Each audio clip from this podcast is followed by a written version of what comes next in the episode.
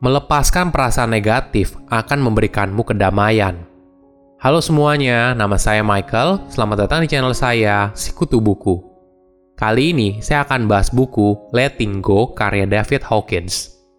Sebelum kita mulai, buat kalian yang mau support channel ini agar terus berkarya, caranya gampang banget. Kalian cukup klik subscribe dan nyalakan loncengnya. Dukungan kalian membantu banget supaya kita bisa rutin posting dan bersama-sama belajar di channel ini. Buku ini membahas bagaimana kita bisa melepaskan emosi negatif dan terpendam yang ada di dalam diri kita. Poin utamanya adalah bagaimana kamu bisa menangani pikiran dan perasaanmu sendiri.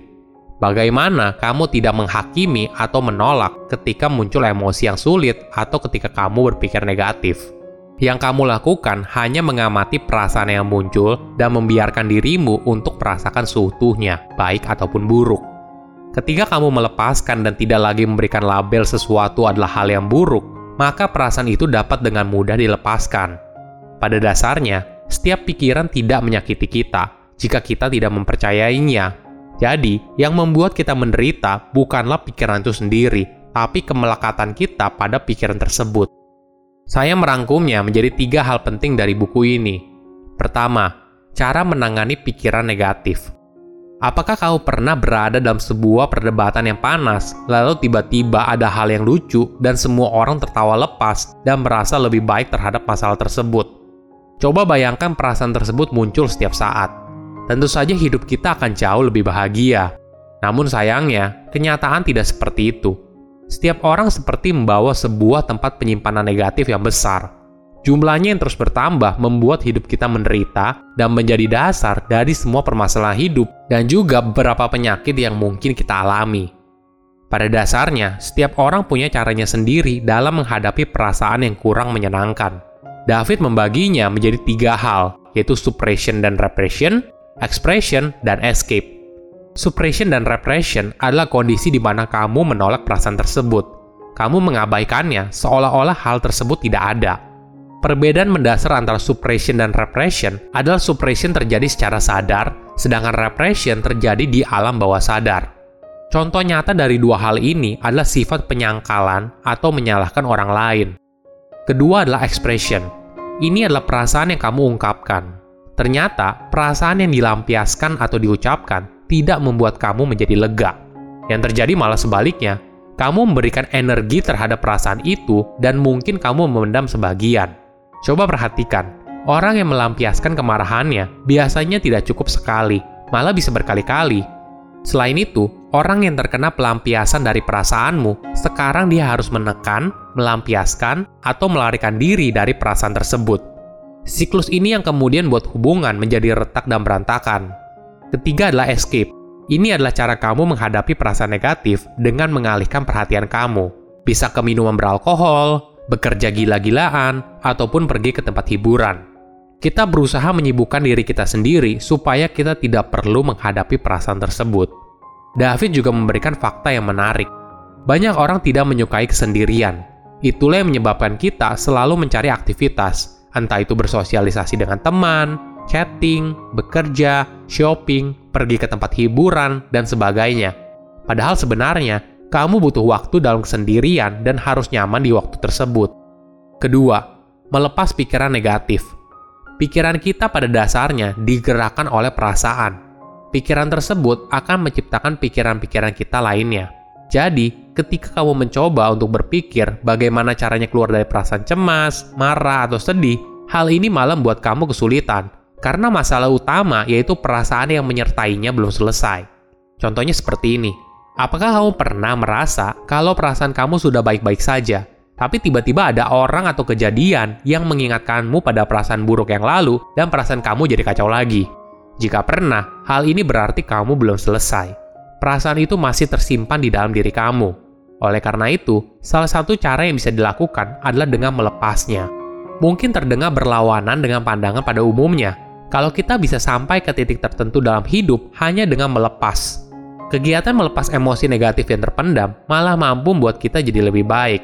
Cara yang bisa kamu lakukan yaitu dengan fokus pada perasaan yang muncul tanpa berusaha untuk memberikan makna. Jadi, kamu bisa meluangkan waktu untuk benar-benar merasakan perasaan yang muncul, apa pun itu. Perasaan tersebut mungkin saja sangat tidak menyenangkan. Contohnya seperti ini. Pada suatu malam, kamu diputusin oleh pacar yang sangat kamu cintai. Di waktu itu, mungkin saja kamu merasa sedih, kesepian, ataupun takut. Kamu kehilangan salah satu orang yang sangat dekat dengan dirimu dan tidak bisa bersamanya lagi. Dalam kondisi itu, mungkin akan muncul banyak pikiran, seperti saya sekarang sudah tidak punya siapa-siapa lagi. Saya selalu gagal dalam hubungan percintaan, dan sebagainya. Di saat itu, kamu tidak perlu fokus pada pikiran tersebut, melainkan kamu fokus pada perasaan di baliknya. Mungkin kamu merasa ada kesedihan yang mendalam pada saat itu. Jika sudah, kamu bisa bilang, "Saya mengakui kalau saya sekarang sedang sedih." Mungkin kedengarannya aneh, tapi latihan ini akan membuat pikiran negatif itu menghilang dan sepertinya beban berat yang menghimpit di dada kamu perlahan-lahan juga terangkat. Latihan ini mungkin tidak sekali saja dilakukan langsung selesai, kamu mungkin perlu mengulanginya beberapa kali dengan perasaan negatif yang sama atau berbeda, hingga akhirnya kamu benar-benar melepasnya. Ketiga, berserah dan melepaskan.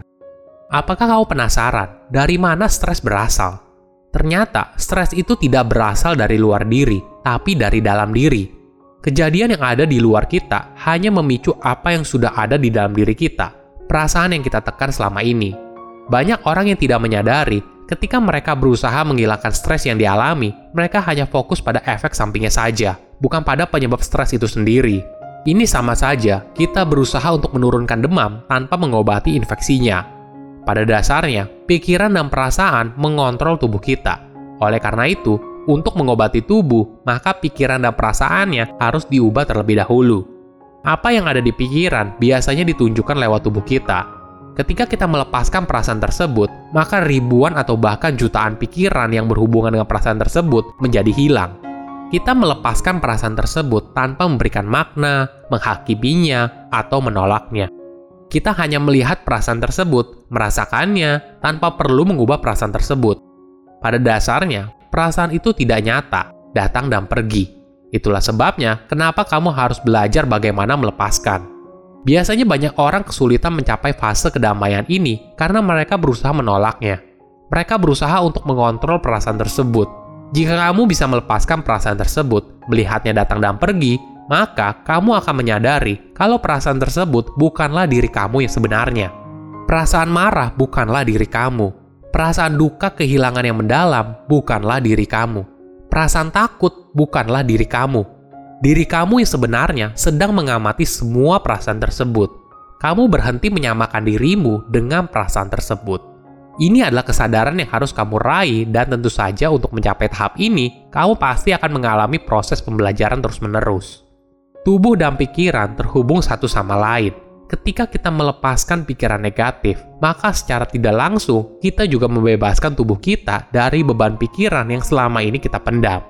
Silahkan komen di kolom komentar pelajaran apa yang kalian dapat ketika baca buku ini. Selain itu, komen juga mau buku apa lagi yang saya review di video berikutnya. Saya undur diri, jangan lupa subscribe channel YouTube Sikutu Buku. Bye bye.